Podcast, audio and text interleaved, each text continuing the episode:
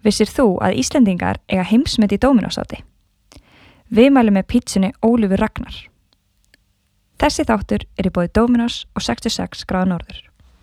Ég gæti ekki hægt að berjast fyrir þessu. Ég fer í gröfina og ég skal áfram vera að berjast um jafnbryttsmál og það ég er að gera bæði fyrir sonn minn og dóttur mín.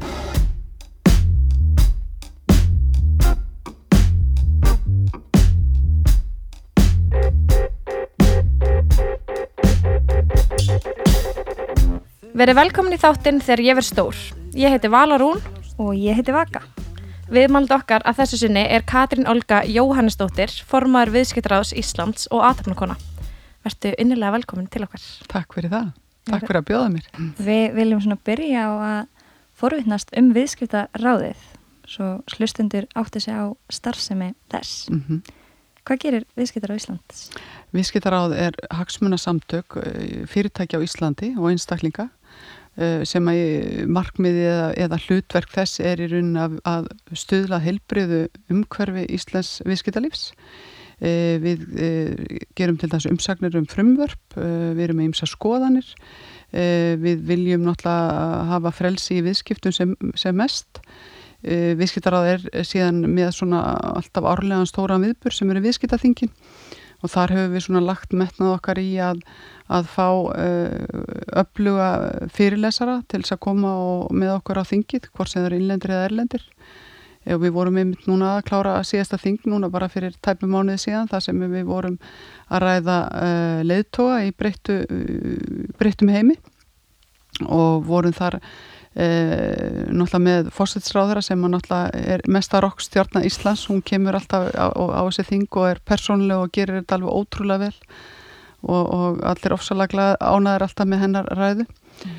uh, síðan vorum við með Mökkupálu það sem var í raunin að ræða svona mentununa uh, Pól Pólmann og Valeri Keller það sem þau voru svona að fjalla um í rauninni viðskipti með tilgangi eða við purpose og svona svolítið nýtt mm. en við pössum og erum svona vinnum svona eftir einn ákveðnum uh, svona linsum í viðskiptaráðu núna frá, uh, við höfum verið að taka fyrst tók, tók við teknilinsuna, nú erum við að taka leðtóalinsuna, við munum taka umhverfislinsuna næsta ári og síðan er það alþjóðalinsan og uh, viðskiptaráð samanstendur af rúmlega hvað alltaf sé ekki millir 200 og 300 aðilar sem að eh, standa viðskiptar á því eh, við erum með stóra stjórn það er eh, sem hittist mánæðilega mm.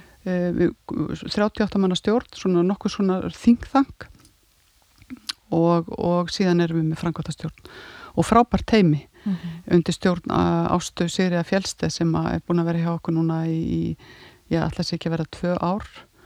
Og, og alveg ótrúlega flott heimi sem við vinnum með okkur. Hún er alveg frábær, hún ásta. Já, mjög flott. Það er mjög mikið til að spjalla á hana líka mm. Já, þetta er að gera það. Það er alltaf fleiri konar að bætast á listan sko. Þetta er stjórnum teimi sem hefur verið á visktaþinginu Já, mjög flott fólk. Mm. Ég, hérna við byrjum alltaf á smá hraðaspurningum Já Bara svona til að leta aðeins andriðsloftið Hvað er langan tíma? Það er engin sko, tími Það er sko. engin tími, það er meira bara svona nýtt með og gott svar Já, það er fyrsta sem kemur Þannig að tæma hugan og, og setja sér í stellingar sko. mm -hmm. Það er ekki margar Hvað ertu gömul? Ég er 56 ára Hvað fegstu þér í morgumand? Eh, ég fekk mér súrtesbröð með trunubærum og tómadónu og pipraða Upp á skaffidryggur? Eh, Töfaldur espresso Upp á staður á Íslandi? Æ, ég vil að ég ætla að segja bólungauk, ég tengda dóttir bólungaukur. Mm. Uppáhaldsborg? Ég ætla að segja kaupmanöfn. Ertu með lindan hæfileika? Já. Hvern? Eh, ég er fyrsti sópran í kór. Það besta við Ísland? Það er svo margt. Eh, það er náttúrulega jafnbryttið, það er lofslæðið, eh, það er orkan, sjálfbæra orkan, það er fríðurinn Þinn helsti ótti? Minn helsti ótti hugsaði að sé að missa helsuna. En þinn besti eiginleiki? Þessi, það er erfið. Léttleiki. Ég ætla að segja léttleiki.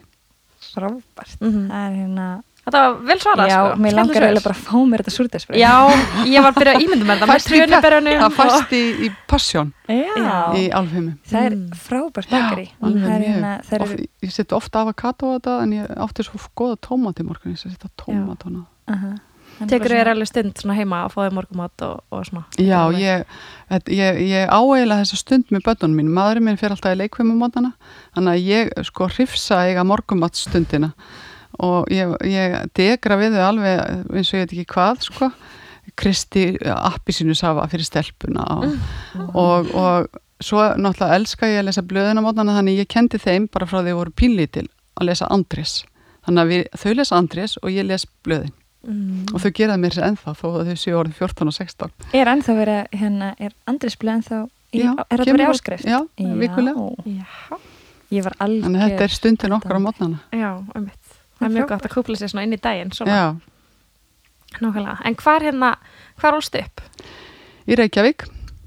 Ég fættist af þessu í, núpi fljóslið e, og það var nú eiginlega, ég segi að konur á þessum árum vissu ekki hvernig börni kæmu, þannig að mamma var bara stödd hjá fóröldur sínum, þetta var Vestlunumanna helgi og ég sem sagt fætti í, í baðstofu, heima, heima, heimafæðing. Og ég var aðra sýstir við erum tvær og þegar við vorum að rífast um sko hvor hefði verið sko hann e, hvor, hvor ætti fóreldrarna þá sagði það er alltaf hann alveg víst að ég átti það því það var ekkert að rugglast á, á mér á fæðingatildinu þannig að Já.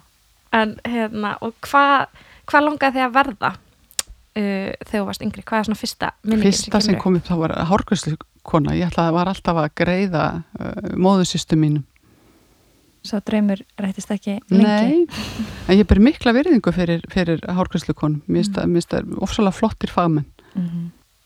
ég var alltaf freka frakkur krakki í svona, þú veist, uh, þórin Í hvað grunnskóla fórstu? e, ég var í breyðagjari skóla og réttarhaldsskóla Mm. Og hvert ferði svo? svo fer ég í þrjá daga í Vestló Þrjá dag? þrjá daga í Vestló og, og þá var Vestló sko tvísetin þannig að þú varst fyrirhátti og eftirhátti og vinkona mín lendi fyrirhátti og ég eftirhátti og okkur langaði náttúrulega að vera saman og mér sé að buðust til þess að önnur færði sér eftirhátti en það var ekki hægt. Þannig að við, þá bara saði ég nei, nei, við bara, ég, bara hætti. Og, og fór í fjölbrytt í breðhaldi og útskrifaðist það hans í stúdent Já, þú hefur ákveðin hana, bara Já, annað já, alveg. Fengu þetta fram með ekki? og, og við, ég, svo, svo, svo skemmtileg sagan sem er svo sem skemmtileg og ekki skemmtileg ég hef valla séð þessa vinkonu mína síðan þannig að þetta er svolítið svona síni hvaða áhrif þú veist, á þessum aldri vinahópurinn hefur sko. Já, En af hverju varst að hugsa um Vestló? ég bara, mann það ekki ég held, jú, ég held ég að vita því ég, me- menntun mín hefur alltaf verið í rauninni, já, besti farið þá var sko vestlunarpró, besti farið í vestlunarpró og það var vestlunarpró þar. Þess vegna fór ég til þessi í fjölbrytti breðalti það var að fá vestlunarpró þar líka eftir tvö ár. Svo þegar ég var búin með tvö ár þá sagði, æ, besti takkið stútispró og svo þegar ég var búin með stútispró æ, besti pröfi viðskiptafræðina. Og svo þegar ég var búin með viðskiptafræðina þá að vísu var maðurinn minn á leiðinni til að menta sig meira eða þurfti að klára sér nám erlendis og þá fór ég framhaldsnám erlendis þannig þetta er alltaf, þetta er ekki svona planað þetta er meira svona, Mhm. já besti bara svona, Mhm. gerði svona eila náttúrulega Mhm. En hvernig námsmaður varstu? e, ég var bara fýtt námsmaður, ég var ekki alveg í einhverjum sko 8 og 9 ég var svona meðal námsmaður kannski efri í efri, efri kantinum e, hef alltaf verið svolítið fljótfær þannig að, að til dæmis þessi starffræði lá mjög vel fyrir mig en mér tókst alltaf að fá svolítið mikið að klöfuvilsu þannig að, að en ég var bara ég ágætis námsmaður Mhm. Varstu mikið í félagslífinu á þessum tíma? nei Bara að læra? Já, eða ekki einu sinni það. Ég veit eða ekki hvað ég var að gera. Lesa bækur, ég er mikill lestrarhestur. Ég var ekki mikið, og ég, ég, ég sko horfi upp á dóttir mína sem er núna í Vestlór og ég lærið ekki svona mikið eins og hún lærir sko. Þannig að ég var ekki mikið að læra. Ég veit ekki hvað ég var að gera. Þú varst ekki íþróttum eða neitt svona? Nei. Nei. Ég var nefnilega ekki Íþróttum, ég var antisportist á þessum árum. Hefur aðeins breyst með árunum. Mm. Þannig ég heila veit ekki hvað ég var að gera. Að lesa, ég meina, það Já, er lesa, alveg, það er, það er gott svar. það er mjög gott svar. En þegar þú útskrifast úr FB, hvað, hérna, hvað langaði að gera þá? þá var það eiginlega bara svona, já, best ég pröfa að fara í viðskiptafræðina. Það var eiginlega svolítið, svolítið þannig og ég sé náttúrulega alls ekki eftir því að því ég hef sagt við út fólk í dag að, og, og ég man eftir því þegar ég fattaði það sjálf að viðskipti eru svo mikið kreativiti, það er svo mikið hugmyndaauki. Þú færð, færð svo mikla útrás fyrir, þú veist, ég er pínu listræn í mér, ég var til dæmis í myndlisskóla þegar ég var yngri og mér finnst ég fá svona útrás fyrir þessa, þessa, þessa, þetta hugmyndaauki í viðskiptum. Mm. Uh, bæði og, og mér stæla í öllum, mér stæla í tölunum, þú er kannski að gera eitthvað, eitthvað, eitthvað, eitthvað einhverja áallanir og þú veist, þú getur gert þær bara spennanda þegar þú segir, hvað kemur út þessu, hvernig endar þetta? Mm. að, og svo getur þú líka verið að móta svo mikið í viðskiptum. Ég meina, þú ert að, að búið til nýja vöru eða setja nýja vöru á markað eða, eða hvernig ætlar að hafa þjónustuna. Þannig að þú ert enda lust að skapa í mínum huga í viðskiptum. Mm. þannig að ég er mjög sátt við þetta valmitt ég myndi velja það aftur í dag ef ég ætti að velja. Mm -hmm. Voru ja, viðskiptafræði voru í dag? Já, það voru freka margir. Þetta var til dæmis kent í aðalsalunum í, í háskólanum. Það var, það var staðist í salurinn, sko. Þannig að það voru mjög margir, sérstaklega á fyrsta ári, svo datt nú alltaf svolítið út, sko. Mm. En það voru mjög margir í viðskiptafræðinni þá líka. Þú fer bara beint þess að úr, úr mennskóla í, í háskólanum. Já. Og líka master, er það ekki? Jú, svo fer ég út til Danmerkur í, í tvö ár. Og okkur leitaði hugurinn út? Það var svolítið svona af því maðurinn mann var að fara þetta, þetta nú, trúir því enginn þegar ég segi þetta en, en það var bara þannig, hann var í tekniskólanu hér á Íslandi og hann gati ekki klára sitt ná nefn að fara út og sem sagt við förum til Danmörkur og, og erum þar í tvö ár. Voru svo sem ekkit á leðinni heim þegar, þegar að þarna mm, við vorum búin en ég hafi fengið vilirðum vinnu hjá ISEC sem eru samtök sem sagt viðskiptafræði nema í, í, í þarna San Francisco og út frá því komum við heim og ætluðum að vinna okkur einn smá pening svo var það einhver miskilningur á milli æsigdelda þannig að það varði ekki neitt þannig að örlögin gripa eiginlega í taumana þannig að við komum heim fyrir við ætluðið að þannig og, og erum bara búin að vera hér síðan mm. Já. Í hverju tókstu master? Í markaðing Já. eða það heitir hvað heitir það á dansku? Ádeling, nei, nei ekki ádeling Var það á dansku námi? Já, námi var á dansku. Hvernig var það? Mér finnst danska mjög fallið tungumál, ég veit að það finnst það ekki allir. Það var bara, það var erfitt.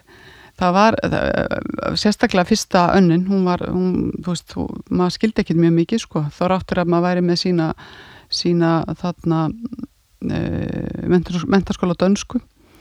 E, það hjálpaði mér svolítið að mér var eiginlega alveg sama hvernig framburðurinn minn var eða út, úttalsi eins og Dani segir sko, þannig ég var svona frakkari að bara láta vaða. Mm. veist, ég var ekki haldið því að ég get ekki tala nema að það væri allt fullkomið. Þannig að ég mani ég fekk klukkutíma lengri í prófi bara en það var allt á dönsku. Mm. Þú þurftir að svara öll á dönsku Öll á dönsku. Já, það er Þannig að mér finnst Dan Danmörk vera svona annað heimaland mitt. Já. Góð ár úti? Já, ofsalega góð ár, ofsalega og ég eiginlega hvet alla, alla til þess að uh, fara erlendis. Uh, í, til þess að fara erlendis í námi, ég segi 50% á náminu að fara erlendis er að búa erlendis. Þú ert, svo, þú ert að kynast annari menningu. Þetta er töff, þú veist að byrja, þetta er, þú veist, þú ert ekki í þessu verðað umhverfi. Þannig að mér finnst, mér finnst að ég hvet allt ungt fólk til þess að gera það. Mm -hmm. Ég ætlaði að spyrja kosti og gata þess að vera í námi erlendis. Já, ég hef svolítið sagt sko, ég, svona, ég er svona með kenningu. Ég hef með kenningu að, að, að því ég hef líka séð fólk sem hefur farið beint eftir, eftir stúdinspróf farið beint út. Og þá kannski átt ekki einn stort tengslanett á Íslandi. Þess vegna hef ég svona, mín kenninga er, ég, ég minna þetta er bara mín skoðun og mín kenning og ekki, engin fræða bak við hana er að það, það sé óslátt gott að vera til þessi grunnáminu hér og fara svo út í masternámið þannig að þú veist að þá, þá ertu búin að fá tengslanetti og kynnast þú veist að því ég minna ég á hópin minn úr uh, háskólanum en þá og svo við, bætur við tengslanetti erlendis. Líka bara eins að flýja þessa eigu kannski það er búin að vera neitt 24-5 árs Algjörlega og líka bara í dag ég minna þú veist þetta er, þetta er náttúrulega miklu öðveldar en það var þegar ég var aðna þú veist það, þú veist, ég minna ég hringdi heim einu sinni viku og skamtaði með tíu myndur sko, veist, þetta var ekkert þetta var allt öðruvísi þannig mm. að, að, að og líka bara í dag er, er engin landamæri það er bara, þú veist, það er allt allt opið Út er þetta að fljúa og Já. Já. En hvað tekur við þegar þú kemur heim? Þá fór ég uh, að vinna fyrir landsbankan uh, í mjög skemmtilega verkefni sem var eiginlega hétt, uh, var þjónustuverkefni og hétt um þjónustu frá þjónustu til þjónustu og frá þjónustu eða hvernig ég nú er ég að beigja þetta villust eða þess að allan um þjónustu. Og var fjælsti, fælsti, fólsti því að við vorum tvö sem að vorum að sagt, uh, kera námskeið fyrir alla starfsmenn landsbankan um þjónustu. Og þetta var svona fyrsta skipti sem slíkt var gert hjá landsbankanum þannig að það var gífulega spennandi verkefni. Og, og þarna við vorum tvö í því verkefni. Og þá kynntist ég fyrsta skipti mismunum á kall og konu.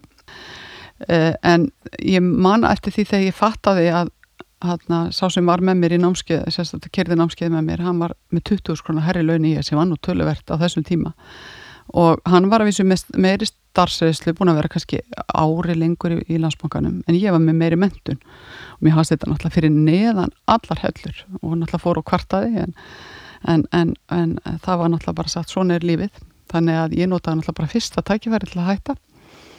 Og stökk þá á tækifæri sem ég bauðst að fara á verða markastöru hjá Arnaflögi og ég segi stundum ég hafi nöðlend með Arnaflögi þannig að ég var þar í, í eitt ár síðasta ári sem fyrirtæki var sem sagt uh, í, í starfsemi. Og þetta var náttúrulega ótrúlega uh, krefjandi ár og ótrúlega lar, lærdomsríkt líka.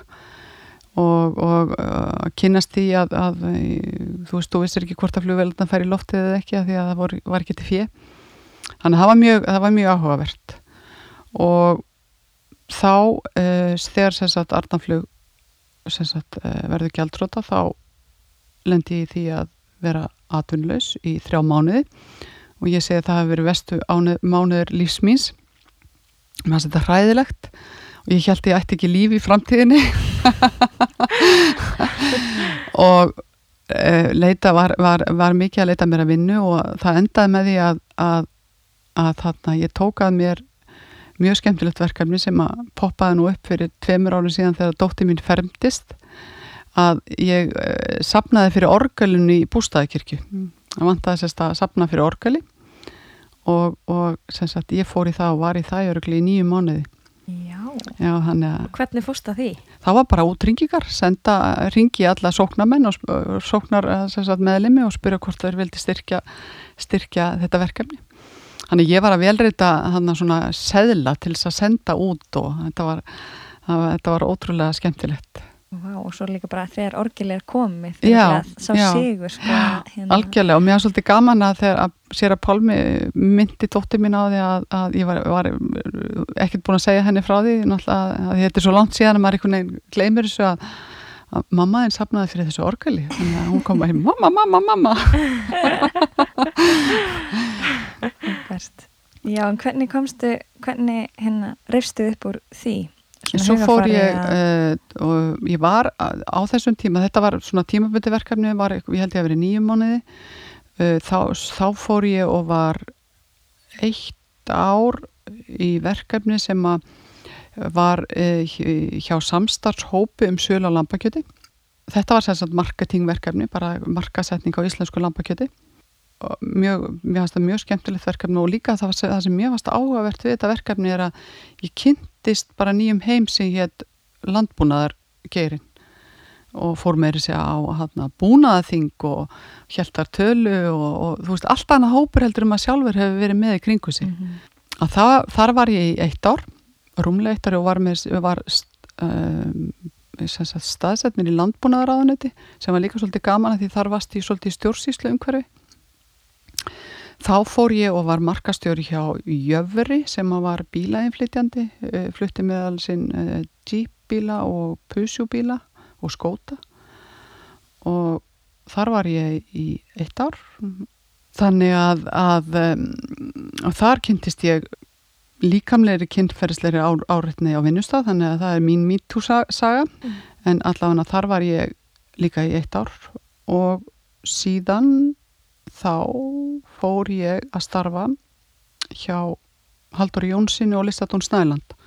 Haldur Jónsson er, er sem sagt heilsala sem að á þeim tíma fluttin vella horfururnar, þetta er bæði á sem sagt og svolítið skemmtilegt, þetta er sem sagt að horfuru markaði þannig að hárkvæslu konurnar voru sem sagt viðskiptavinnirnir svolítið gaman út frá mín með það sem ég ætlaði að vera þegar ég var lítil. Og, og uh, síðan uh, snirtifur, mikið með snirtifurumerkjum uh, og síðan var Listatún Snæland sem var sem sagt náttúrulega bara rúmframleðandi og svampframleðandi mm. þar vann ég með Kristjánu Sigmundsinni sem var fórstjóri mjög átti mjög góð samstagsár með honum uh, flottur aðeli og, og hann kom úr handbóltanum og ég man alltaf, það er svona, maður á svona setningar sem að, sem að eiginlega flesti svona yfirmenn mínir hafa, hafa, hafa sagt um mig, já setningarna frá landsbankanum, það var hann Brynjólu sem þá var yfirmann mín, hann sagði Katrín þú verður að vera, læra að vera meira diplomatísk. Ég man alltaf þetta þeirri setningu. Setningi sem Kristján Sigmund sað, saði við mig, það var Katrín þetta er teimið þitt, þú er bara að vinna úr því. Þetta er bara eins og í, í, í handbóltan þú er bara með þetta teimið, þú verður bara að vinna með það. Og, og þannig að þar var ég í fjögur ár og þar kynntist ég fyrst í rauninni svona alþjóðlegri eða alð, verið mikið í samskiptum við alþjóðlega fyrirtæki sem ég hafst ofslega skemmtilegt. Og, og það svona gefur þið þennan alþjóðlega blæ sem að mér fyrst skemmtilegur. Uh, og þegar ég var búin að vera þar þá fór ég, tók ég smá svona breyttan vingil í, eða á, ákvað.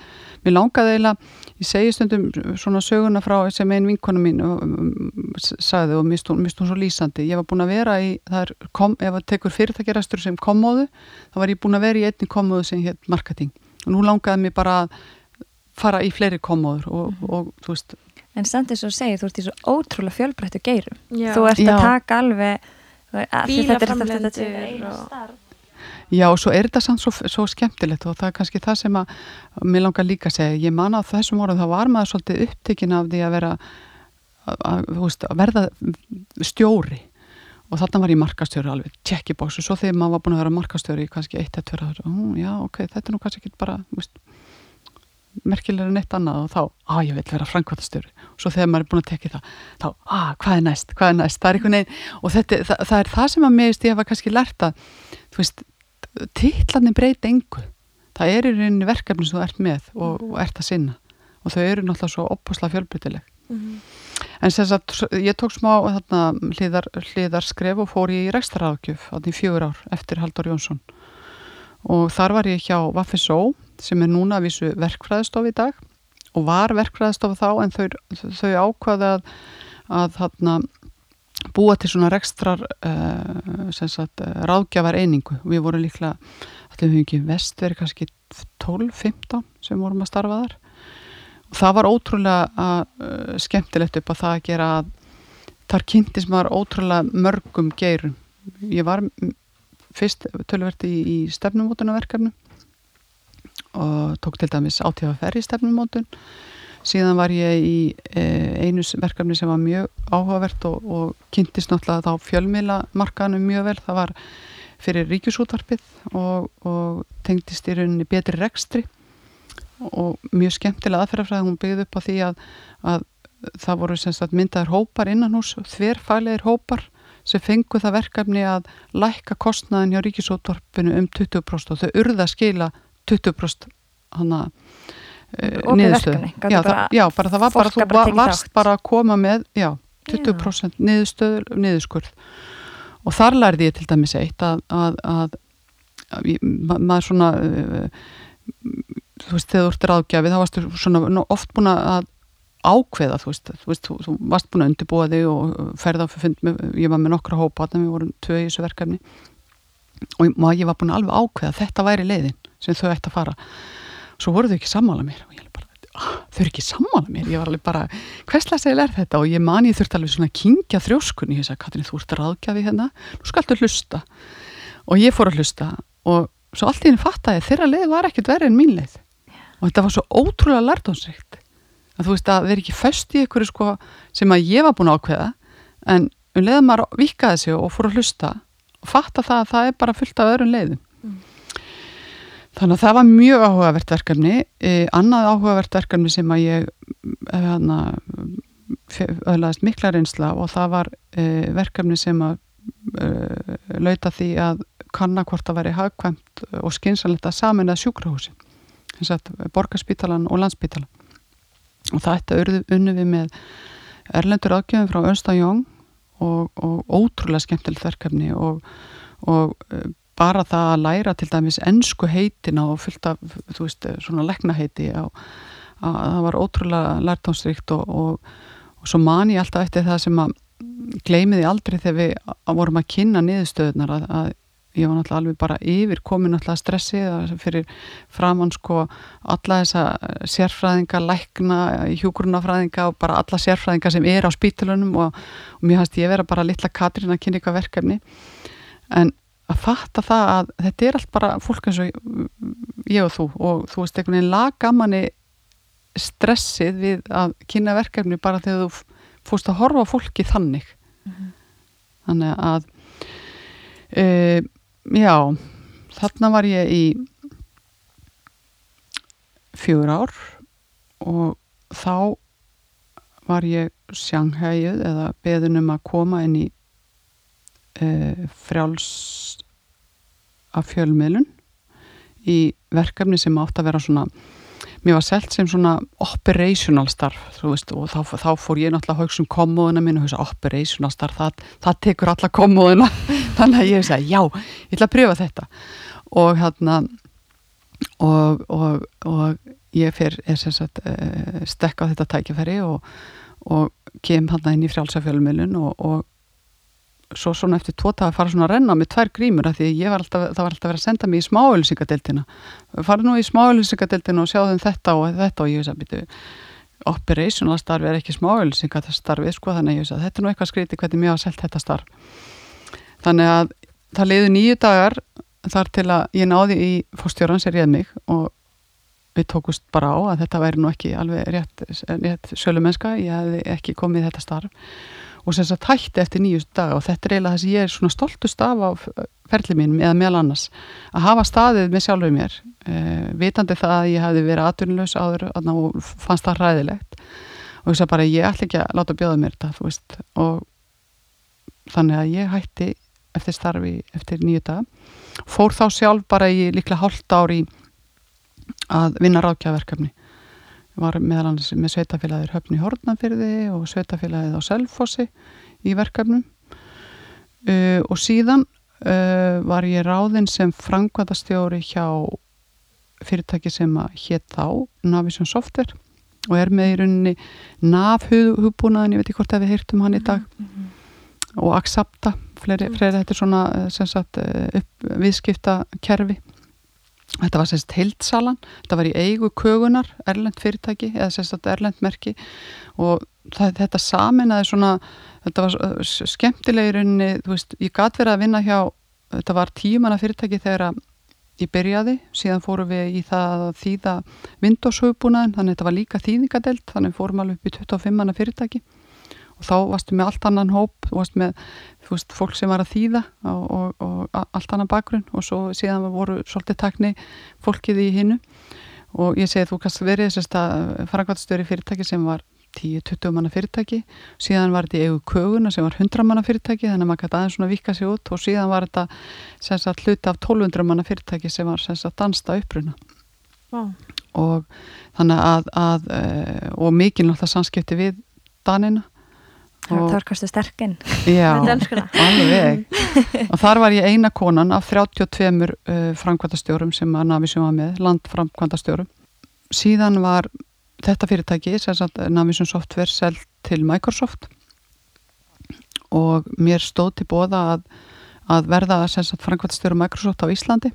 Og var bara mjög sátt við það og ég var bara, ég bara, hugsaði bara þetta er bara það sem ég langar að gera Taknik er náttúrulega mjög spennandi og þessi alþjóðlega samstarf og mér finnst það bara virkilega, ég var bara mjög ánað í, í mínu starfi. En þá sagt eh, var leitast, eh, eh, leitatíminum að koma og vera framkvæmstýri hjá Símanum og taka við sagt markas sviði Símas sem var þá fjö, staðista eining Símas, 400 manna teimi sem, sem var með í raun alla snertinguna við viðskiptaveinin var með þjónustuver, var með vestlunar, var með markasetninguna, var með líka svona litla, litla reyningar eins og skeita útgáfu, eins og 118 og, og, og fleira slíkt. Og ég held nú ekki, ég ætlaði nú ekki að fara að vinna fyrir ofinbært fyrirtæki, ég væri bara ánaði mínu starfi og ætlaði sko ekki að koma. Og, og fór á vísu hitti Brynjólf eða hitta nokkur sinnum sem að þá fórstjóri, nýjórið fórstjóri og og, og svo bara kvöttust við og, og ég veist að bara það, þú veist, ég ætla bara að halda, ég var bara búin að ákveða, ég ætla að fara að vinna áfram við hjá Microsoft og svo mann ég vaknaði morgunin og það bara allt í enn, ég ringi mannum minn og segir ég þarf að tala við þig. Og ég mann með þess að hvert ég fórum að keira og ég sagði, veist að ég held ég sé að það ekki ranga ákvörðin og ég, eftir að við vorum búin að spjalla saman þá teki upp síman og ringi í tengiliðið minn og segi, heyrðu ég er búin að skipta skoðun, ég er til ég að koma. Og þá var sagt, er til ég að koma? Það er nefnilega núna upp í, hérna, held að vera upp í PricewaterhouseCoopers, þar er núna verið að fara með alla nýju stjórnendunnar af því að það verða svo mikla skipilarsbreytingar, mættu þangað. Þannig að þetta var bara, já ok, ég mæti. Þannig að þetta var ótrúlega og gerist ótrúlega rætt og það var náttúrulega ótrúlega mikil og gaman að fara í rauninni frá lilla tímana krútlega fyrirtækinu sem gæti líka verið 1200 manna yfir í síman sem var náttúrulega veist, eh, fyrirtæki í mik miklum breytingum. Og, og við komum þrjú inn ný þarna á þessum tíma. Það var sérst Kristinn Guðmustóttir komin í fjármálin sem hafði unni með Brynjáli Bjarnasinni mjög hæf eh, fjármálamannskja Orri Haugsson sem er núna fórstjóri Símans kom inn á sama tíma og hann var yfir þróunasviðinu og ég sérst yfir markasviðinu og, og uh, þannig að, að þetta voru bara ótrúlega góð ár. Ég held ég að vera hann í 8 ár. Og þar sem sagt uh, syndi ég tveimu störfum. Fyrst var ég yfir markasviðinu síðan var það skipt upp í einstaklis og fyrirtækjamarkaði tók einstaklismarkaði og það sem að uh, staðista verkefni svona sem að uh, þú veist var það að í rauninni breyta fyrirtækinu símin, þetta hétt landsímin með mhm. eldingarnar eh, rótgróðu fyrirtæki, tækni fyrirtæki ofsalega kallægt eh, ofsalega lítið markas tengt fyrirtæki og breytaði í rauninni nútíma fyrirtæki. Sem er svolítið í dag svona ímynd sem já. við höfum á símanum í dag. Já, til dæmis þú... logoði sem ég nota það var nýja logoði við fórum í semst mjög stort mörkunaverkefni eða branding með hérna, erlendu fyrirtæki sem var Young and Rubicam í Sviss og þetta var alveg heilsásverkefni sem að í rauninni gekk út á það að þar voru sagt, eh, það voru allir sem í rauninni eða mjög margir inn að síma sem koma því verkefni Hvað heldur þau ef við myndum svona hugsa um það markastar sem að símin væri kannski vinnað í dag hvað heldur þau svona stærsti munurinn á því sem þú varst að gera á þessum tíma? Sko ég held að það sé kannski ekkit, þú veist símin er fyrir mér á nákvæmlega sama stað og í rauninni við vorum þegar við vorum og komum og vorum að breyta þið frá sko ofinböru fyrirtæki, það var selt svo 2005 mm. yfir í nútímalegt markasfyrirtæki. Í dag er, og opuslega breyting, þetta er ofsalega breytingastjóðun, í dag er símin fyrir mér í sömu spórum. Það er ofsalega breytingastjórnum, það er opuslega breyting á markanum, uh, tekjurnar, uh, talsímatekjurnar eru hortnar, uh, taltekjur eru mjög mingandi þannig að þú veist þú ert í rauninni í þessari umbreytingu mm -hmm. og aftur þú veist, mm -hmm. þetta, þetta er svona eða sko þannig að, að ekkert ólík verkefni, annað umhverfi -hmm. en ekkert ólík verkefni Næ, En svona í gegnum hérna, þess, þessi störf sem þú ert búin að segja frá þá ertu mjög duglega um að skipta um starf. Já, og það er, það er það sem ég finnst nefnilega svolítið skemmtilegt að ég man eftir því að því ég menni ég náttúrulega, eins og ég, ef ég segi hérna gæsalappa þá lendi ég í því að vera bara í verkefnum hann eftir að uh, þú veist, eftir að Arnaflöf fór á hausin, ég var hérna þrjú ár í verkefnum semst, uh, einsásverkefnum og ég man alltaf eftir því það þegar ég, þú veist, að ég það var svona einn ein mannusrákjaf sem sagði já þú voru nú að passa þú veist að sífið þetta verði ekki þannig að, að, að, að þú sért alltaf að skipta um vinnu. Og mann alltaf var drullu stressaður en þú veist ég menna ég var fjögur ár og fjögur ár og, og svo átta ár og allt þetta. En svo er þetta öfugt í dag. Þetta er, þetta er þannig í dag ef þú ert ekki með svona á sífiðinu ef þú ert búin að vera 20-30 ár í sama fyrirtæki, jafnvel í sama starfi þá ertu frekar outdated. og ég veit þetta er svolítið rókavilt að segja þetta en þetta er, þetta er staðrind Mhm. þannig að þú veist, og ekki bara segja að vera svolítið framsýn Já, Já, þú, þú fannst þetta að þér? Já, ég fann þetta á mig. en svo ég klári, og að því ég var, ég var ekki alveg búið með, eh, sem sagt, sími var þetta og, og eins og ég segi, mjög, mjög skemmtileg ár þar og ég lærði náttúrulega óbúslega mikið að Brynjóli Bjarnasinni, hann er svona minn mentor. Uh, við vorum mjög góð saman. Hann, uh, hann saði stundum að ég hef verið, væri ve hefði verið veðhlaupa hesturinn sem hljóp með hann áfram en hann þyrfti að halda í böndin. Og, og ég sagði að það er eins gott þú hafðir veðhlaupa hest annars hefur ekki hlaupið svona rætt þannig að við vorum svona mjög góð, góð, góð blanda. Og, og heldum góðu sambandi og erum miklu vinnir þannig að lærði ofsalega mikið af honum. Flottur stjórnandi og með flotta, flotta, flottan bakgrunn uh, síðan uh, hafði, hafði ég árið 2005 tekið sagt uh, já og gert það sér fyrirtæki og reði þá Sigriði Margreti Óttstótt til að stýra því fyrirtæki og, og, það var ofsalega flott, flott uh, bara gæfusbor fyrir, fyrir já og fyrir mig. Mm. að því síðan urðu við uh, viðskiptafélagar þegar við kaupum já út úr skiptum, ég var sérsagt, ég gleymi því ég var sérsagt, uh, eftir síman þá fór ég í móðu fyrirtæki símans já, sérsagt skipti og var þar yfir svona strategíun eða, eða chief strategy officer.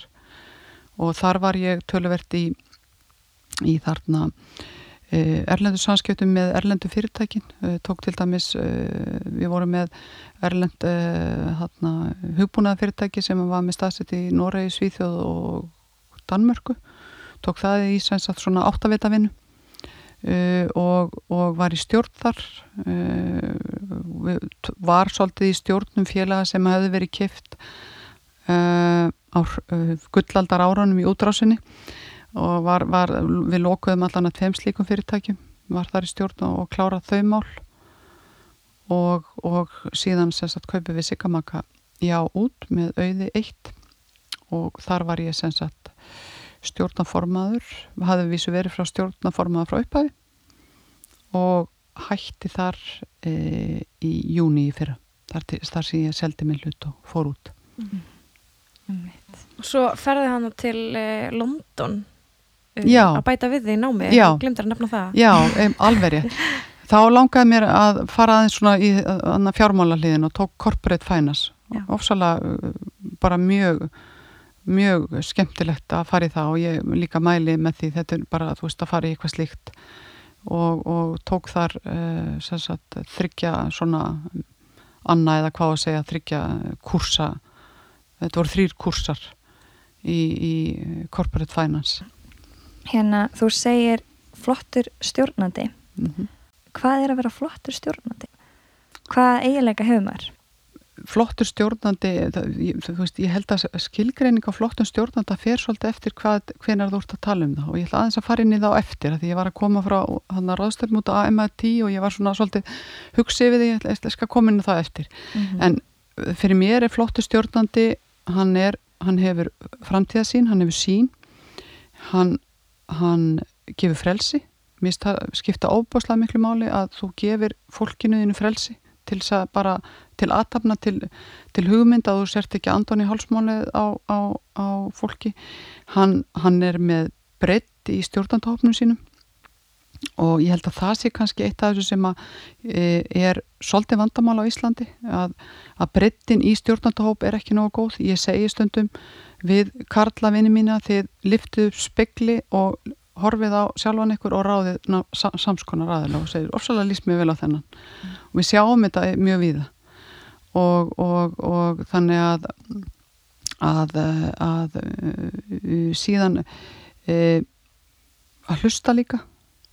Þannig að, að og skapa, skapa um, stemmingu. Mm. þetta sé svona ef ég ætti að taka þetta verið eitthvað fimm aðtrið Það Það mjög lítinn hérna fjölbreytileika og mikilvæg þess að hafa fjölbreytileika.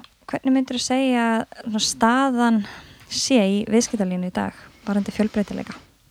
hún er náttúrulega ekki nógu góð eins og ég fóri, fóri yfir á, á viðskiptaþingi núna og gerði það líki fyrra og ég tók nú dæmi í fyrra því þá við vorum með cirka 600 manns í, í salnum og, og, og, og það sem ég hef sagt og, og ætla að segja aftur og því ég held að góð vísa sér aldrei oft kveðin að það er ekki út af íslensku viðskiptalífi sem að Ísland er nummer eitt í jafnbreytismálum. Það er út af því við höfum átt fórsetta sem var, var kona eða er kona. Við höfum átt tvo fórsettsráðara sem eru konur. Uh, við höfum skorað hátt út af þingmannum, fjölda þingmanna uh, í fjölda kvenna í sveitastjórnastíðinu þannig að það er svolítið út af ofinbergeranum sem við erum nummer eitt í jafnbreytsmálum og mér svíðu það svakalega að vera formaða viðskiptaráðs og ofinbergerin er framar heldur en við í þessum málum sem að mér finnst að við eigum að vera uh, leðtóðar með. En eins og ég saði á viðskiptaþingi í semst fyrra þá voru 600 manns í salnum. Cirka, þá voru cirka 8% kvenna sem voru semst með titilin frangvatastjórar, fórstjórar fyrirtækja. Semst þetta verið þetta voru semst 400 stæðstu fyrirtæki 8% hvenna voru að stýra þessum fyrirtækjum. Og ég setti þetta í samhengi og sagði hugsið ykkur ef núna væru hérna á viðskiptaþingi 48 konur af 600 manns okkur finnist það ofsalega ein, einsleitur hópur. Mm. og, og, og, og það er þetta, þetta er það er bara með ólíkindum hvað er mikil tregða í, í íslensku viðskiptalífi að leipa konum á borðinu og ég hef búin að velta því ofbúslega mikið fyrir mér út af hverju er það. Og það er, þetta er, er, er margslungi, þetta er náttúrulega hefðin, það er náttúrulega alveg klárlega, ég meina þú veist, hefðin er og myndirna sem við sjáum eru karlar sem er að stýra fyrirtækjum. E, við vorum nú að ræða aðeins áhættu og hvort að vera áhættu að áhættuvelni, þú þú veist þetta snýst held ekki um það, þetta snýst bara um það að þú ert bara, þú ert komin í þessa stöðu og, og þeir alltaf geta að sleppa.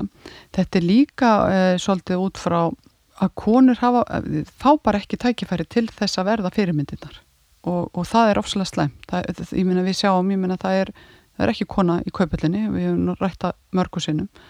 Og, og, og það, það er ekki fyrirmynd. Þannig að við, við, það, það er ekki eins og tækifæri til þess. Og svo ég, ég er komið með eina svona kenningu svolítið sem að ég á ennsku kalli þetta the butt syndrome. Það er, það er enn enn enn hann að enn syndrúmið sem sagt að, að þegar það verið að ráða í þessi störf og nú er ég, þetta er náttúrulega bara mín skoðun og mín svona, hvernig, mín observation að þá e, ertu með umsóknar fyrir fram að því og þú ert kannski með ofsalega hæfar konur og ofsalega hæfar karla. Og þá byrja byrja svona úrtölur að þinnar Jú, hún er rosalega, hún er ofsalega flott sífi og rosalega með flotta reynslu. En nei, já, en veitu, var ekki eitthvað þarna er hún nógu skemmtileg? Eða, eða nei uh, að ég veist að ég heyrði eitthvað aðeins um hana, þú veist, það er allt svona ennin sem kom út á konunum, eru svona neikvæð enn, en svo kom að kalla mér og sagt, já, jú, þessi, þessi kona hún er sko með betri mentun en Karlin en, en hann er, ég minna, hann áta bara skilið eða já en ég minna þú veist, hann er svo góðu kall mm -hmm.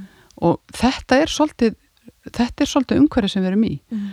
og, og, og það sem ég er, er það, það er sko, konur eru tala, talaði niður en karlar eru tal, talaður upp mm -hmm. og þá, þá, þá breytist þetta aldrei og mér finnst ofsalega sorglegt að hlusta bæða á konur og karla þetta á bæði við um konur og karla og núna nýlega bara var ég að, að ræða við aðila sem að var það var verið að ráða Karl í starf og það var bara ekki hægt að ganga fram hjá hann við ætluðum að ráða konu vorum alveg ákveðin í því, það var bara ekki hægt hann var svo flottur að það var ekki hægt að ganga fram hjá hann og það er alltaf það, það verður alltaf þessi svör.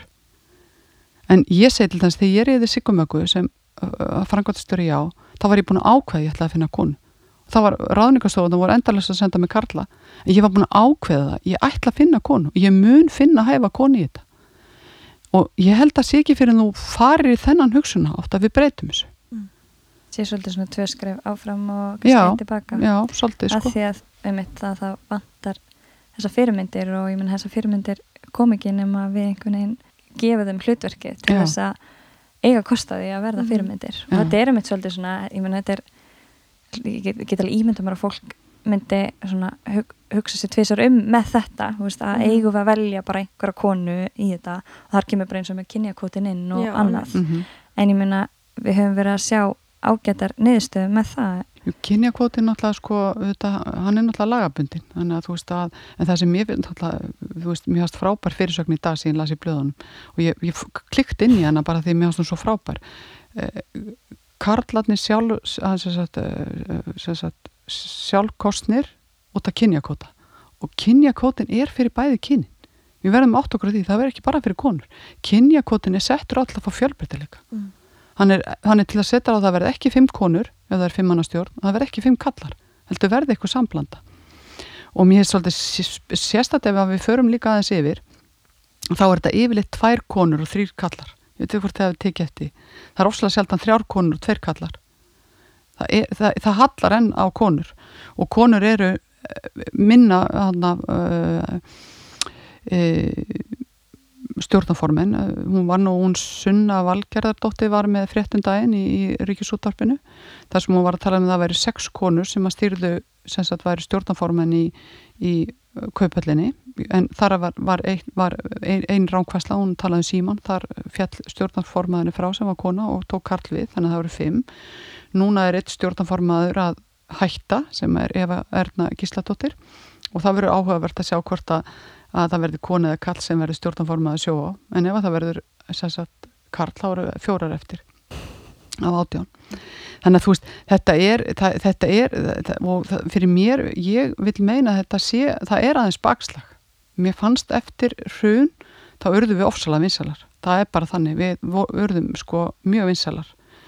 Og, og en núna þá hefur þetta, nú, núna eru eru, veist, eru vopnin komin aftur mm -hmm. svolítið kallægir mm -hmm og, og, og þarna og það sem er mér svo sorglegt í þessu og það er það sem, þess vegna hef ég unnið svo mikið með fjölbreytileikana því ég hef svo mikið trú á fjölbreytileika.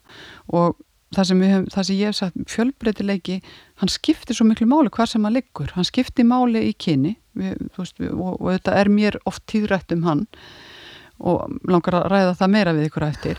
Eh, við, við, við þurfum líka fjölbrytarleika bara í þjóðverfni ég meina, ég veit ekki hvort ég lásu greinina hans, hann að Guðmynda Stengriðssonar í frettablaðinda þar sem hann var ellendis og var að tala við mann sem hafi stoppað henni 6 klukkutíma og farið í bláa lónið og hans niðurstað var um Íslandika að við værum bara eins. Og það er alveg rétt, ég meina, ég er nýkominn frá Boston.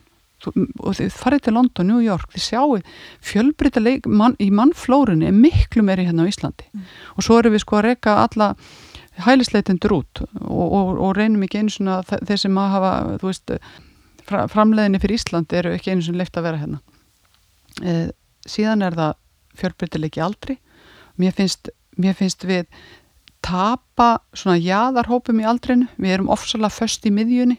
Við erum föst frá 30 til 55-60 við erum að gleima sko aldrei sildans 20 til 30 ára 20 til 35 ára.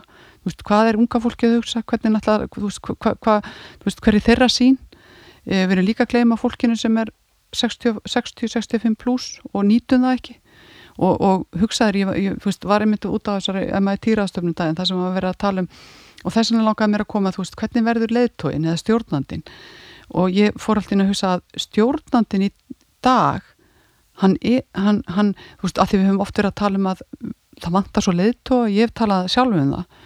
Og, þá er ég alltaf svolítið að horfa á þennan leiðtó sem er, þú veist, leiðtóginn en leiðtóginn í dag er allt öðruvísi held ég og verður að vera allt öðruvísi að því hann er með svo opaslega ólíka kynnslóðahópa sem hafa svo ólíkar þarfir að hann þarfir raunin að levela við allt.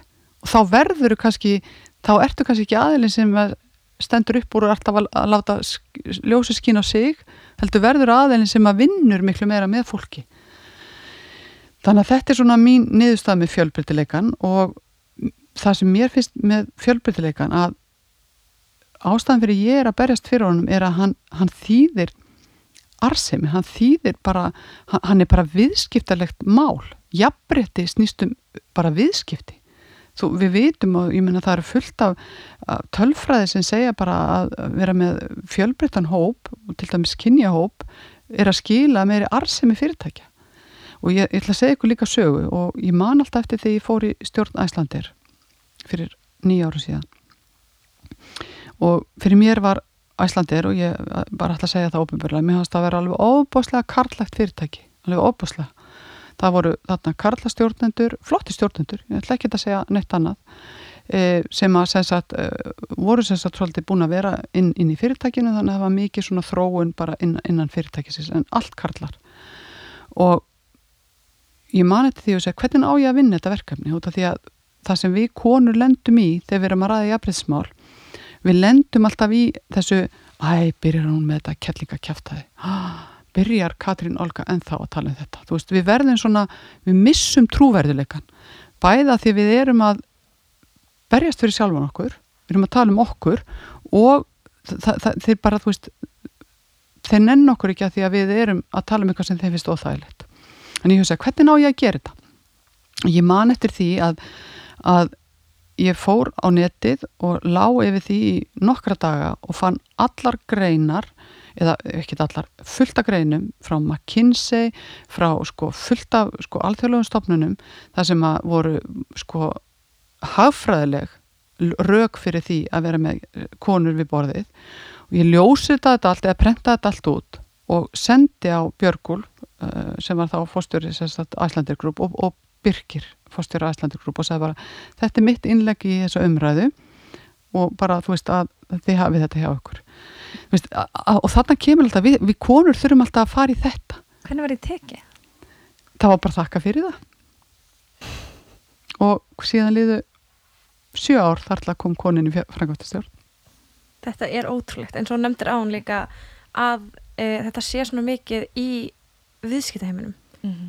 Það er svo skrítið og líka bara eins og nefndir áðan með MeToo og svona að hérna, það komi mjög fá sögur þaðan hver heldur að ástæðan sé fyrir þessu? Ég hana, held að ástæðan fyrir því og ég sað, fór einmitt yfir þetta líka á síðasta viðskiptaþingi þessu viðskiptaþingi fyrir ári síðan að ég held að ástæðan fyrir því eh, hún er tengd fyrir hlutanum að við séum ekki um að 8% hvenna sem stýrir hana fyrirtækjum á mm. Íslandi mm. Við erum háðar körlum. Við erum háðar þeim fyrir raunin okkar vinnu. Og það að fara og segja frá mítúsögum konur það, það, það er bara þær sem eru á, í karjærbröldi gera það ekki að því þær er hrættir að það skaði þær. Mm. og þannig að það er held í ástæðan og það sem mér finnst líka mér, mér svo, og þess vegna fannst mér á vissan átt klusturmálið þú veist ég ætla aldrei að segja að það hafi gott að það kom upp en það var, það ofinberaði svo það sem ég segja að hafi verið hinliðin á MeToo-byltinguna því ég man þegar MeToo-umræðan kom og það var alveg tekið, tekið þessu umræðið þeim stjórnum sem ég satt inn í og þar voru allir og sérstaklega og karlar og konur algjörlega á því að allt svona kynfer, líkamleg kynferðsli áreitni væri tabu, bara no-no og bann og þú veist alveg bara reiki brottför og allt skiljiði. En svo en leið og maður fór að tala um að það væri önnur hlið á MeToo og það væri þessi, þessi orðræða og, og þessi, þessi rauninni hvernig er oft talað veist, til hvenna og ég kalli þetta til þess rútaskýringin hún er náttúrulega, mm. þú veist, mennsplaining það er íslenska þýðingi mín er rútaskýringin, þú veist, kallar taka sér til og, og útskýra það sem þú ert að segja.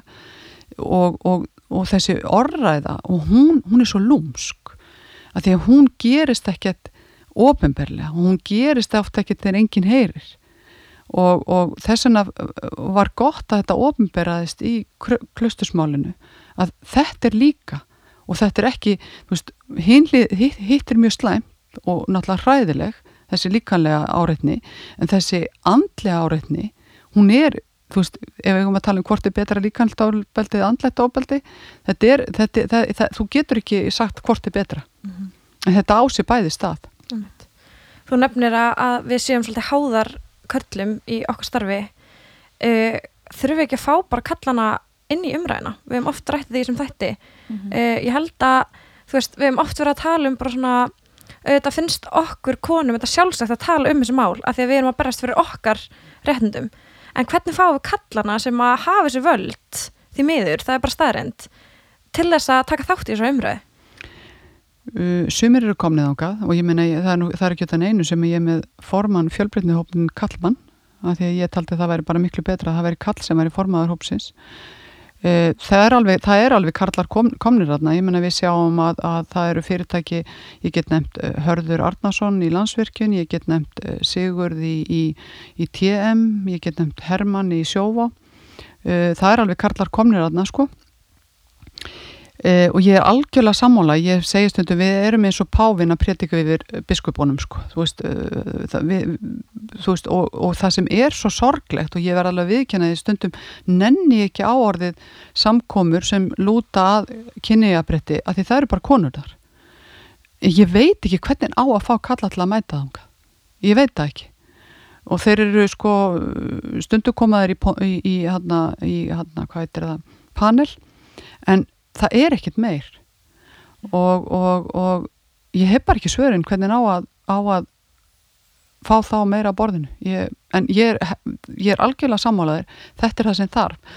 Og, en það sem mjög langaður svolítið að bæta við og, og það, það sem ég og ég reynda svolítið á eigin skinni líka að, að þú veist, konur stíu ekki fram að því að þær eru þær eru rauninni sko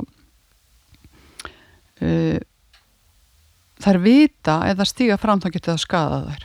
Og ég fann þetta svo klárlega til dæmis þegar ég hana, uh, seldi brefið minn í Æslandir og sem að, uh, orsakaðan og kvílika umræðu og, og orrarhýð sem að ég, ég held að allan ynga með bjóst ég við. Og ég fann alveg að konur voru hrættar að stíga fram til að verja mig að því að þær vissu það ef þær myndi gera það, þá eru það nestar mm. það voru nokkra sem gerðu það eins og makka í paff sem á sig sjálf og, og bara eins og hún segir, ég á fokki og peninga og ég get sagt það sem ég vil þannig að þú veist, en ég fann það bara því ég á fullt af góðum vinkunum þær stuttu mig bak við tjaldin mm. og þetta, þetta, þetta og, og, og málið er ég er ekki eins og reyð út í þær eða bitur út í þær, ég skil þær mm -hmm. bara, ég, ég bara skil þær -hmm. og það er með það ég menn þetta er ekki til fyrsta skipti sem eitthvað svona kemur upp, bara alls ekki og, og ég menna það hafa já, svona svipu tilvik og miklu herri fjárhæðir meira að sko, heldur en gerist þið þér. Af hverju af hverju heldur þú hafið verið svona gaggrind og, og þá kemur líka aftur, af hverju eru við af hverju eru við bara auðveldara skotmark, eins og við tala um aður Hva? Sko við erum náttúrulega held ég auðveldara skotmark út af þessu, þessu, þessu, þessu, þessu hallamæli sem er ekki réttur þessin eru við auðveldara skotmark eh, ég sko ég held á vissan hátt uh, það, ég er búin að velta þessu óbáslega mikið fyrir mig því alveg horrið eins og þú segir það voru karlar búin að selja fyrir miklu herri fjárhæðir, það voru, það voru með stjórnarformen í félögum og markaði búin að selja, að selja fyrir, fyrir uh, sérsagt hluti félaginu stjórnendur veist, ég, og, og trúiði mér stelpur, ég gerði hana, fór í rannsóknarvinn og ég á þessa rannsókn og ég hugsa bara já, konan selur fyrir smápenning en kallarni fyrir stórpenning og það verður allt vittlust eða þannig að það sem ég held að í rauninni að, að, að e, veist, einskýringi sem einn kalli vinnu minn sagði, viðst að Katrín þú varst búin að vera svo hana, árangusrík eða successful í, í, í bara þínum karriér að menn voru bara býð eftir að þú mistæðir þig eitthvað og alltaf sparkið þig. Veist, það er einskýring önnurskýringin er bara að það, það veist, þetta er bara hluti af valdabaróttunni og þarna var bara tækifæri að sparka í konu sem að veist, var fyrir. Og, og, og, og það var bara nýtt. Og það sem er ótrúlega við það er að nú er þetta tvö ár síðan þetta gerðist að það er enþá verið að viðhalda þessar sögu. Og, og ég menni ég finn það, ég náttúrulega er á, á vissanátt minn karriér er núna að vera stjórnamanniski og ég finn það að þetta hefur skadað það. Og það er ofslega sorglegt að, að, að, að ég heyri enþá nei, hún seldi Æslandir og maður bara, þú veist þessar, í alvöru, ertu enþá að ræða þetta? Mm. þú veist, það er ekki spurt þú veist, hefur hún, ég meina, ég vil meina minn bakgrunn, í stjórnansetu er, það eru fáarkonur með slíka bakgrunn uh, reynsli í stjórnunastörfum og fleira slíkt. Og það er bara, þú veist, það er fundin ástæða til þess að íta þetta til hliðar að því þú ert fyrir. Mm -hmm. Mikið en er eitthvað sem er hægt að gera? Hver heldur að lausnin Ó, stafur, ef ég hefði lausnina ef ég hefði lausnina þá væri ég búin að nota hana. Ég hef hann ekki. Ég, mm, ég saði nú, ég kom og talaði við ungar aðtapnakonur um daginn og ég saði, Katrín, kannski þú ættir að hætta að tala um jafnbryttsmál og ég veldi því fyrir, það kannski eru þau farin að skada þig? Og vissanátt held ég að þau hafi, hafi séu farin aðeins að skada mig. Og ég sagði, já, á ég kannski að gera það en veit ég gæti það ekki. Ég gæti ekki hægt að berjast fyrir þessu. Ég fer í gröfina og ég skal áfram vera að berjast um jafnbryttsmál og það ég er að gera bæði fyrir sonn minn og dóttur mína. Þannig að þú veist, þe- þetta snýst það sem er hagur heimilana vengast hagur hagkerfisins vengast og, og heimsins vengast samt erum við það sem við erum. Og svo kom allir að segja "Heyrðu, þér, íslenska konur eru bara frekjur. Ég meina hvað, ef við, við erum nummer eitt og, og þú veist, Magga í Pafsaðan daginn þegar hún var valinn hann hjá FKA þú veist, við erum kannski skástar og ég segi við séum efst, efst í Tossabekk. En mér finnst því að þú talaðir aðeins um aldur áðan, Já. þannig um fjölbreytileika. Að því að ég talaði við eina konum daginn sem er einmitt komin yfir 50 það sé við það og var myndi að segja að hún væri svolítið kvíðin fyrir því að, að vera eldri kona.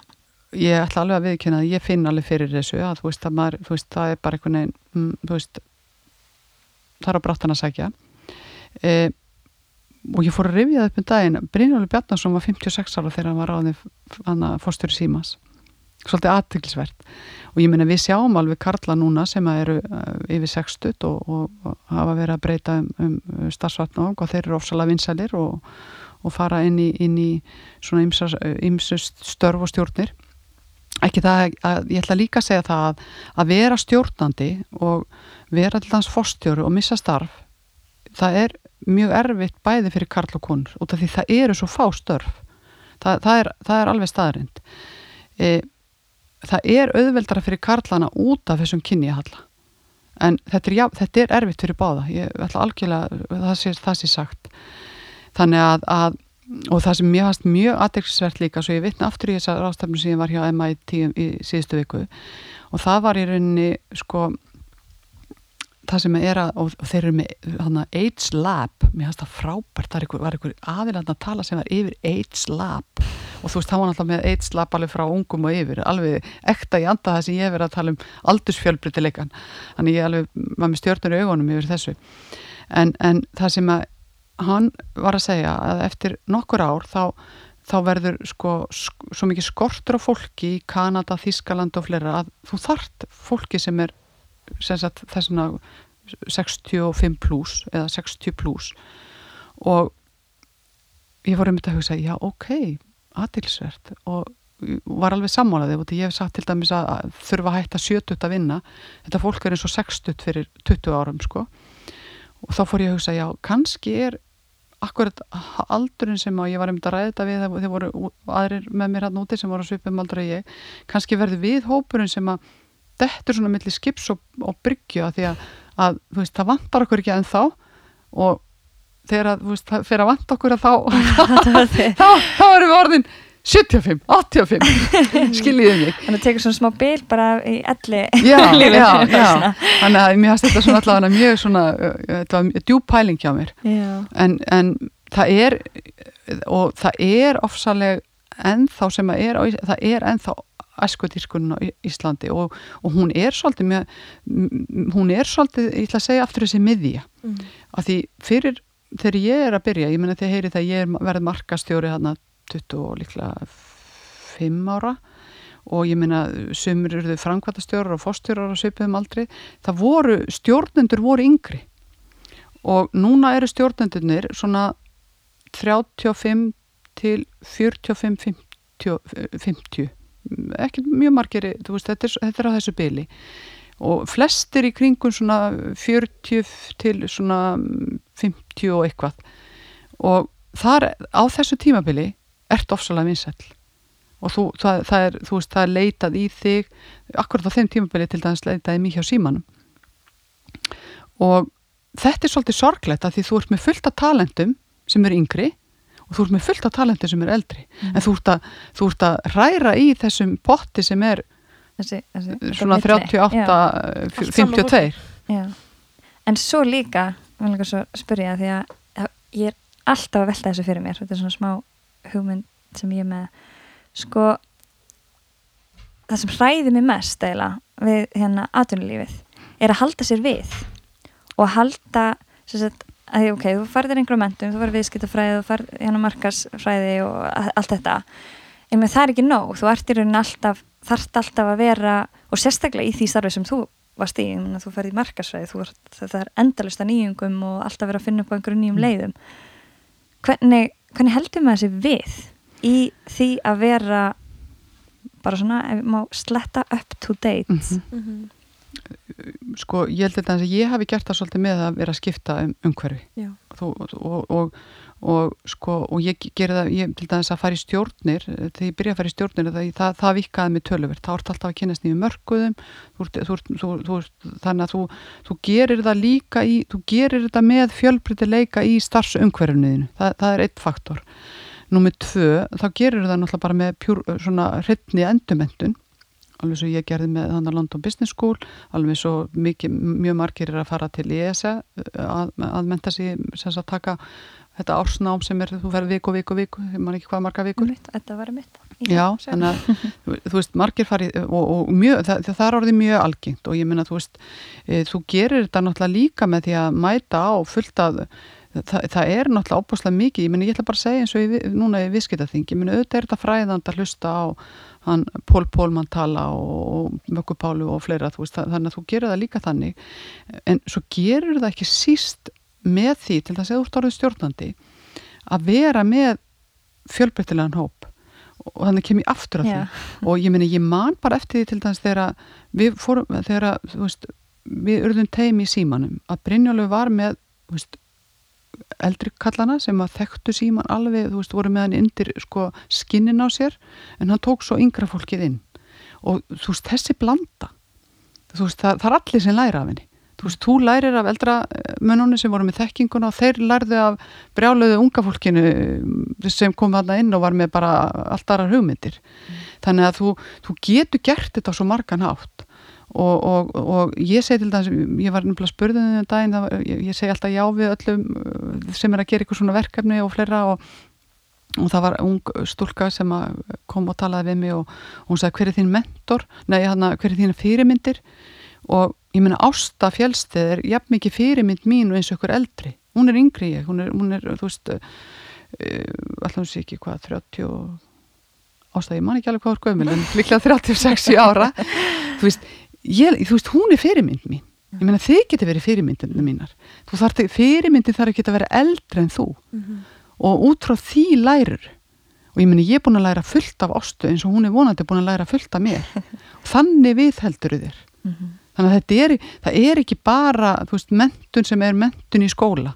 Hún, hún er, veist, lífsinsreynsla og veist bara vera ofinn fyrir hlutum. Ég held að það sé líka bara alveg að fara að skipta meiri sköpum í framtíðinu að vera mitt ekki með endilega þessar gráður heldur bara svolítið lífsins, lífsins gráður kring sko, já, með, með hinnu Já, og svo líka vera bara veist, ég, út af því fyrir mér er sko breytingar eiginlega jafn svona eðlislegar eins og allt annað. Og ég minna ég, ég hef alltaf sagt við eins og sérstaklega þegar ég komin í síma þú veist, þetta var náttúrulega að vera að breyta sko 100 ára fyrirtæki og þetta var náttúrulega bara ólíuskip og eins og ég saði við fólki mitt veist, breytingan að verða kost sem ykkur líkar þitt takið þáttíðið með ekki. Þannig að þú veist takiði freka þáttíði mm.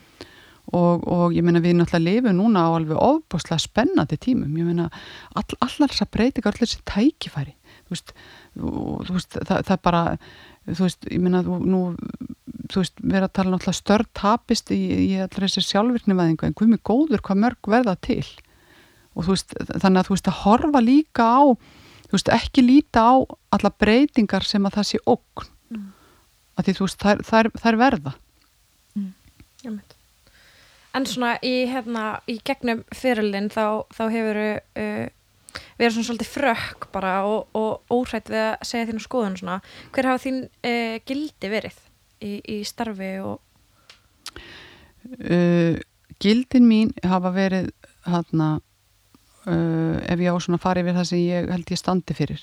Ég stend fyrir honesty eða heiðalega ég bara, mér finnst skip, skipta ég kann ekki að ljúa ég, það sjá allir að mér að ég fyrir að ljúa og það er kannski, það stundu kemur það í bakið að manni að því að maður veist, er of, þá hreinskilinn sko. E, m, það er í rauninni þarna, hvað heitir það e, kjarkur e, að, að hafa kjark og, og, og þóra e, það er að standa með sjálfu sér og, og það sem ég svona svolítið mitt lífsmotto í gegnum, þú veist, allt og það hefur hjálpað mér ótrúlega mikið á svona erfiðum stundum er að hugsa þú veist, ef aðri getur þetta, þá get, getur þú þetta? Það hefur verið svona svolítið svona mín mantra. E, gleði.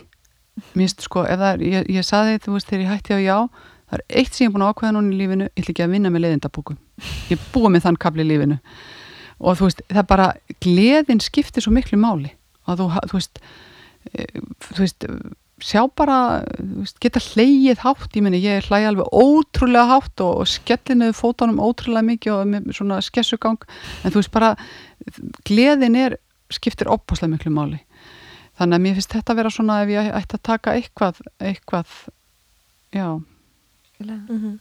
Þetta, hérna ég held að þetta viðtil geti verið með svona yfirsök svona fjölbreytileiki. Já, ræðið það. alveg, þú segir sjálf sko tekja þetta frá þér hérna mm -hmm. að árið 1960 var meða líftími fyrirtækja 60 ár en í dag eru þau um 20 ár hver er skýringin á þessu? Það er alltaf gerast rætt það er einhvern veginn sko ég menna við sjáum bara, ég menna, hvað hétta MySpace sem var undan Facebook -hmm. meina, þetta, þetta er bara eitt dæmið um þetta þú veist, þú held allir að MySpace er því þú veist, samskipta mátin svo verður Facebook til. Ég er ekkit vissum að Facebook, ég menna þeir voru sniður og kæfti Instagram að þeir sá að þeir voru að fara að keira fram, fram úr þeim sko. Þannig að það er einhvern veginn, þú veist, ég held að sé þessi hraði þessar, þessar breytingar og það eru svo mörg fyrirtæki sem að gleima sér, ég menna Nokia var eitt fremsta farsíma fyrirtæki heimi eða sagt, svona sagt, fars, það selja farsíma. Þeir selja ekki farsíma í dag þeir mista lestina þeir heldu að þeir gætu hangið í í því sem þeir voru með, Kodak. Hverjir hafi ekki hert um Kodak momenti það sem að, þú veist, þeir heldur gæti haldið í filmunar og myndu, þú veist samt komið þeir fyrstu með digital myndavelina þeir sátt á henni að þeir vildu halda í þú veist, gömlutekinar það, það þarf svo mikið kjark í að finna nýjar tekjur þegar þú þarfst að overlappa núverandi tekjurna þeinar Þróunin. Já, og þetta er, þetta er nákvæmlega eins og við, við hjá já, þú vissir að símaskráin var að fara leiðin út en þú vissir hún var að gefa þér fylgta pening en þú þurftir að koma með eitthvað sem að koma í staðin, þráttur að þú værir að kannibalisera tekjurnar þannig að þú veist, ég held að það sem gerist þegar að fyrirtæki lifi ekki nógu lengi er bara viljandi breytinga verður ekki nógu mikill mm -hmm. En ef við tölum hérna aðeins um umhverfið og, og loftlarsbynningar uh, hvað heldur að viðskiptarlífið geti gert til þess að bæta og breyta þessu? Ég held að viðskiptarlífi geti gert mjög margt og ég held að það sé með þetta eins og aðra fjölbyrti, aðra svona formúli í, í hlutunum. Ég held að það sé bara tölverð sko, hvað maður að segja, viðskiptarlegur þú veist, tilgangur á bakvið mörg umhverfsmál mm -hmm. það verður mjög gaman að sjá hvað kemur út úr þessum umhverfshópi á viðskiptaráði. Þetta er, þetta er fjölmennasti hópur, málefnihópu viðskiptaráði, ég held að það séu 13 aðeilar sem sínir áhuga viðskiptarlýsins á þessu málefni þannig að, að og það sem mér finnst svo í rauninni gaman að að ég finn alveg, þú veist, við erum núna í samstarfi við samtöku yðinarins, samtöku atvinnulífsins e, stjórnaráðið e, um umhverfisverkefni það er mjög mikil áhugi í viðskiptarlífinu fyrir umhverfismál mm -hmm. og, og ég held líka bara að þetta er bara ég meina heimsmarkmið saminuðu þjóðana fyrir mér eru þau í rauninni e, og ég ætla að stela einni setningu sem kom til mér eða mér var sagt um daginn að fyrir mér eru þau svona eins næst því og Ísland getur komist um svona langtíma sín og það, veist, það, það er eiginlega allt í þeim sem að, skipti máli til framtíðar. Og þar eru lofslagsmálin annað eitt þáttur. Og ég, hef líka rætt þau sem að mér hefur verið mjög tíðrætt um og það er í rauninni hver er sko hver er aðgreining Íslands? Veist, hvernig getur við sem land þetta kemur markasmannisken upp í, í mér hvernig getur við aðgreiningu frá öðrum þjóðum? Og að því að, veist, og mjög margir segja náttúran, náttúran aðgreinur okkur en hvað með góður hvað til mikið að falla er náttúru alls þar í heiminum. Þannig að, þú veist, þó að ég elski Ísland og, og finnist íslenska náttúrann bara það fallegast sem ég séð, þá er til svo margt að það aðgrinnir okkur ekki. Þannig að ég er alveg, ég kom með svona fjór, fjóra þætti sem aðgrinn okkur. Ég, ég var að bæta fymta við núna. Og það er sem sagt jafnbryttsmálin ég menna við erum nummer eitt þar. Og við eigum að nýta okkur það. Og við erum ekki að nýta okkur það. Ég menna það eru margi búin að tala um á að setja upp svona sendir hérna á Íslandi sem er bara svona alþjóðlegt sendir um jafnbryttsmál og auðvita eigum að gera þetta. Það er bara þannig Númið tvö er sjálfbar orka og þar koma náttúrulega mjög mikið inn umhverfismálin.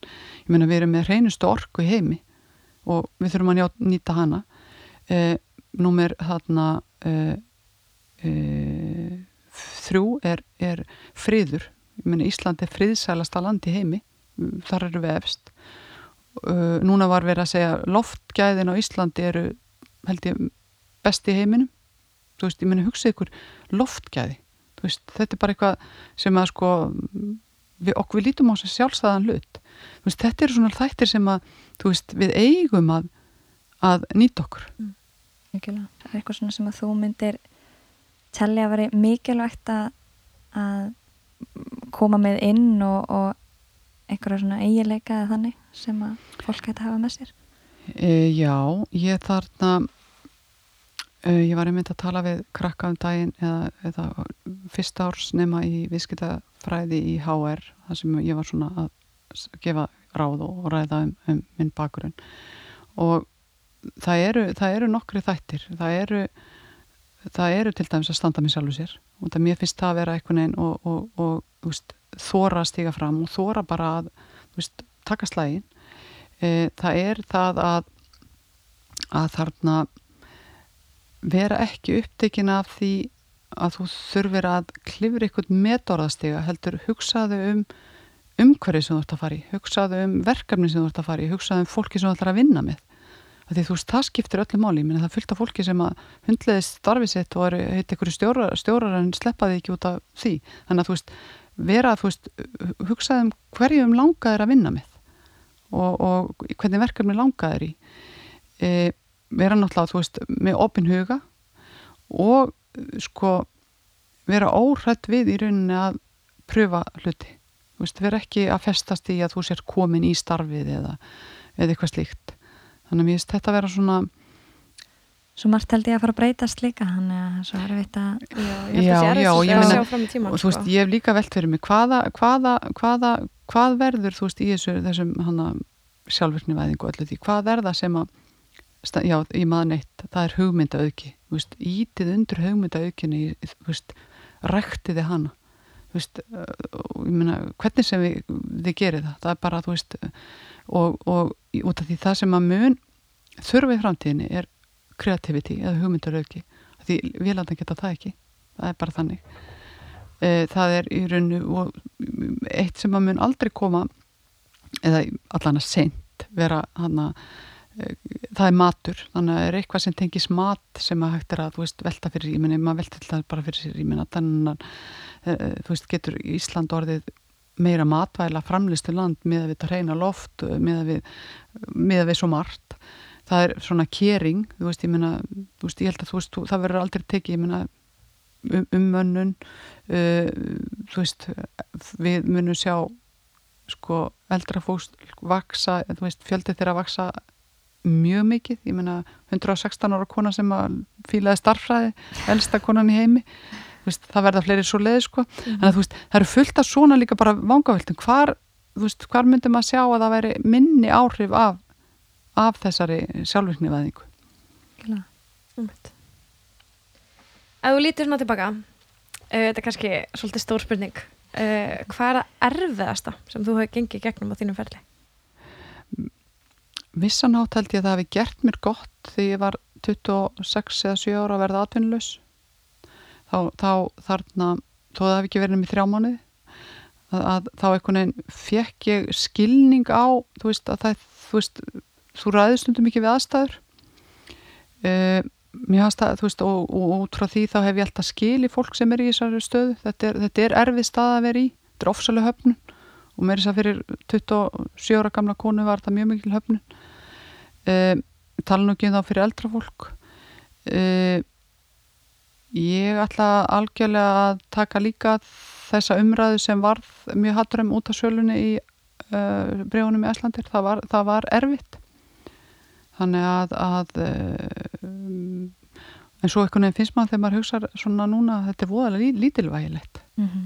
þetta var Illa- bara, þetta er bara ekki neitt. Nei, ég ætla bara að segja það, ég, maður, getur maður ekki bara að dusta hendur og sagt nei, þetta hefur bara gengið ótrúlega vel. Auðvitað hafi verið ups and down, auðvitað hefur stundu verið hundleðilegt og, og hrikalega erfitt og þú veist en sem betur fyrir er bara mannsögunni þannig að við munum eftir því skemmtilega og góða. Það ætlum við að segja, hvað er að besta mómenti? Mhm. besta mómentið. Hvernig tók ég stríðstans hvernig tók ég stríðstans já, það er það er einhvern veginn svona kannski þú veist, þegar það hafa orðið svona þú veist, eitthvað svona mælstónið eitthvað svona, eitthvað vörður þú veist, ég meina já, mér finnst að hafa- það hefur verið svona þá, á, kannski á þessum tímamóti ég meina, mér finnst ofsalega gaman að fara í, í restarákjöna, mér finnst gaman að fara í síman þó okkur en hafi verið svona þingri, mér finnst æðislegt fyrst þegar ég fór í stjórnir þú veist, það er einhvern veginn svona þetta eru svona kannski þessa vörður sem að hafa, þú veist gert það að, að þú veist að, það er svona bestu mómentið þín. Mm Svona, ná einhverju. En svona lokum, ég meina lífi er ekki bara að vinna. Ég langar að Mhm. svona aðeins að nefna það og þótt að þetta þema okkar sé svolítið einmitt, bara tengist ferlinum. Ertu ennþá að mála eða? Ertu ennþá að lista kona? Nei, þetta er nefnilega alveg ég er sko, ég er alveg ég hef ekki deila sint því. Ég hérna, því miður ég eiginlega let ekki hérna, lista giðina hún, hún svona hvarf frá mér. Nema ég er að syngja, ég er ofslega þakklátt fyrir það að hafa ég, ég hana, haldi því áfram, ég byrjaði aftur bara nýlega, alls ekki svona þrjú ár síðan eða tvö ár. Og, hana, og meiri segja fór í er búin að vera núna í söngkennslu sem er alveg æðislegt Þannig að, að ég ætla ekki að vera óprusöngkona en ég ætla að verða betri að syngja. Og ég tók könnina núna hjá hana, um tóneira og ég var mjög ána því ég sá að ég var með, var með takt og tóneira. Já, Ég díkot já, já, ég sagði, guð, ég vona að ég, ég fá ekki fallengun kórkonan. Þannig að, að nei, veist það, ég hef svolítið, og ég, ég sé eftir því. Ef, ég, ef eitthvað sem ég sé eftir þá, þá ámar að rekta þetta ég finn það, þú veist, dótti mín er með þessa eiginleika og ég hef eitthvað neginn ekki ítt nóg undir það heldur hjá henni mm Hvað gerur svona í frítímaðinu? Eh, ég les ofsalega mikið ennþá. Ég er bara hann er eh, alltaf með bók sem að ég, ég er ómölu ef ég er ekki með bók. Eh, eh, nú við eigum hann atkvarf út á landi sem að við förum mjög mikið í, fjölskyldan. Eh, við förum á skýði saman. Mm, eh, okkur finnst óðalega gaman líka að fara til útlanda saman. Eh, já, það, hvað ger ég meira? Já, Er ykkur, hérna, þú talar um á sérst sem mikill lestrahestur já. Er ykkur svona bók sem hefur haft áhrif á þig eða, eða já, góð áhrif? Já, nei, ekkert svona sem ég get alveg munað. Ekki, ekki svona, ekkert svona, þú veist, alveg svona hafi verið alveg bara áhrifavaldur í, mér finnst bara ofsalega gaman að lesa svona uh, mannlegar bækur sem að sem sagt, í rauninni fjalla svolítið um mismunandi nálgun á mannlífinu, þú veist, auðvitað lesi ég líka einhverja svona þarna, krimma og mér finnst þeir alltaf skemmtilegir en mér finnst þeir maður dettu niður á ég var þess að klára núna nýjustu bókinu hennar Ísabelli Ali Endi hún frábær, þú veist, hún er svo mannleg, hún er þar húmor í henni uh, kaltaðinni, þú veist eitthvað svona sem er svona, þú veist lýsir svolítið lífinu Mm. Ég hef gaman líka af æfisögum, þú veist, las æfi, eina ben og þú veist, allar þessar, finnst þetta, allt svona sem tengir svona svolítið mannlífinu. Bæði sem var og líka sem er. En svona lókum, þá spyrjum við aftur Hvað viltu verða þegar þú voru stór? Ég held ég bara vilji vera það sem ég er. Ég, hana, ég myndi velja aftur viðskiptalífið og ég vildi óska þess að ég væri núna bara að byrja þannig að ég hefði aftur 60 ár til að berjast fyrir konur. Þannig að, að, að nei, ég myndi velja aftur viðskiptalífið. Þetta er alveg mín silla. Og, og mist, ég, ég get ekki sagt þessi markað frekar en annar. Mér finnst einhvern veginn bara að vera búin að vera í fjölbreytileikan hefur hentað mér mjög vel þannig ég myndi endur taka leikin frábært.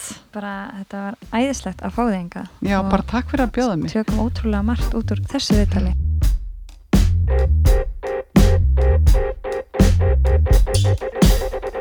Þau sitja eftir með auð sætisblás til beggja handa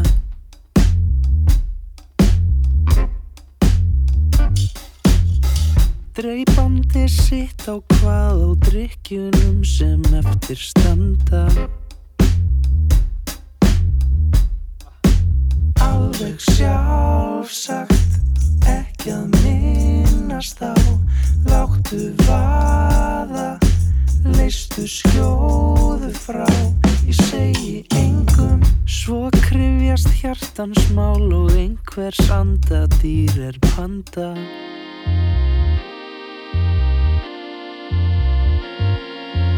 Trún og trún á við kinn Þú og ég og einhver vinnu þinn. Trún og treyna, trún og við halda Nóttin naum og stórðin við aldra Trún og trún á við kinn Þú og ég og einhver vinur þinn. Trún og treyna, trún og við halda Nóttin naum og stórðin við